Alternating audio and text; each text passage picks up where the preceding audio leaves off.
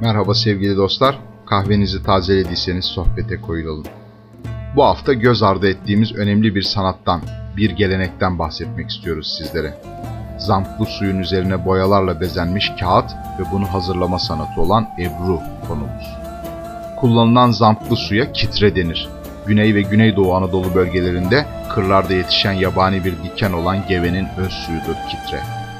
Geleneksel ebruda boya olarak bitkisel esaslı lahor, demir oksitler ve ultramarin kullanılır. Toz pigmentler destesen kadı verilen mermer taşların altında suyla ezilir ve renkler oluşur. Boyanın su üstünde yayılarak dibe çökmeden durması için boyaya büyükbaş hayvanlardan elde edilen safra eklenip karıştırılır. Böylece boyanın yüzey gerilimi artarak yayılması ve şekil verilecek hale gelmesi sağlanır.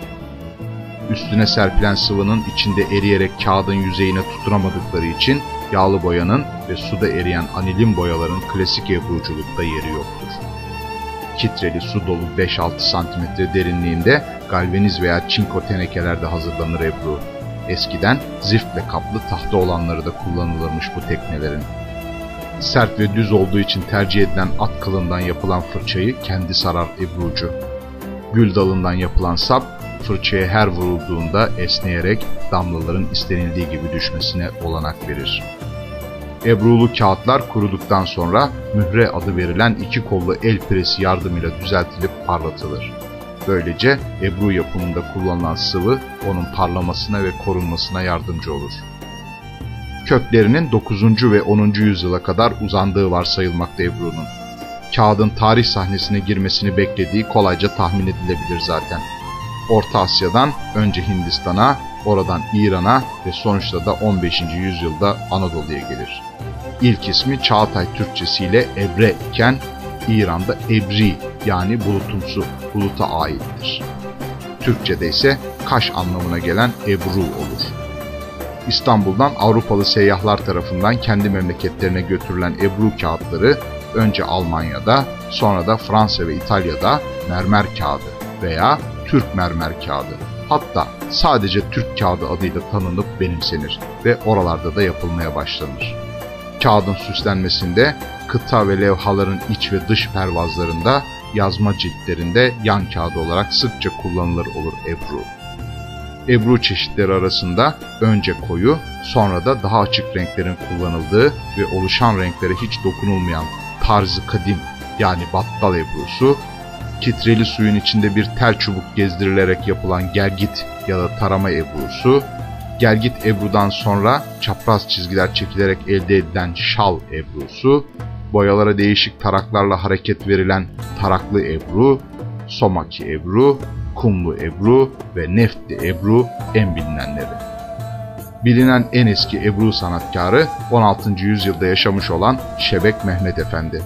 18. yüzyılda yaşayan Hatip Mehmet Efendi ise ebruculuk sanatındaki en ileri usta olarak kabul ediliyor. Renkler ve ebrudaki hareketlilik en önemli özelliği. Onun buluşu olan Hatip ebrusunda renkler iç içe damlatılır ve desende çarkı felek, kalp, deniz yıldızı şekilleri oluşturulur.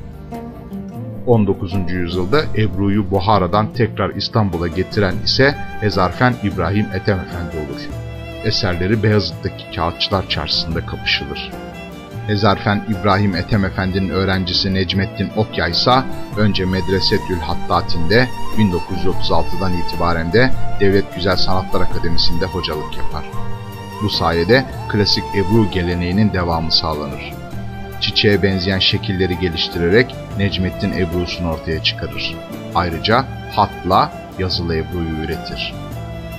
Cumhuriyet döneminde Ebru'nun devamı Necmettin Okyay'ın yetiştirdiği ve arasında kendi oğulları ve yeğeninin de bulunduğu öğrenciler sayesinde sağlanır. Örneğin 50 yıldır tekne açan ve papatyalı Ebru'yu yaratan Mustafa Düzgünman onun öğrencisidir.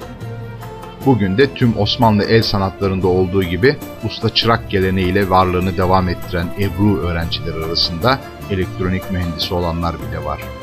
Sevgi ve gönül işidir Ebru. Suda oynaşan ve kağıda geçtiğinde sonsuzlaşan renklerin sanatı. Kitreli suyun üzerine yağmur gibi yağan boyalar kültürümüzün yansımalarıdır ve renklerin dilinden anlayan ustalar gerekir Ebru için.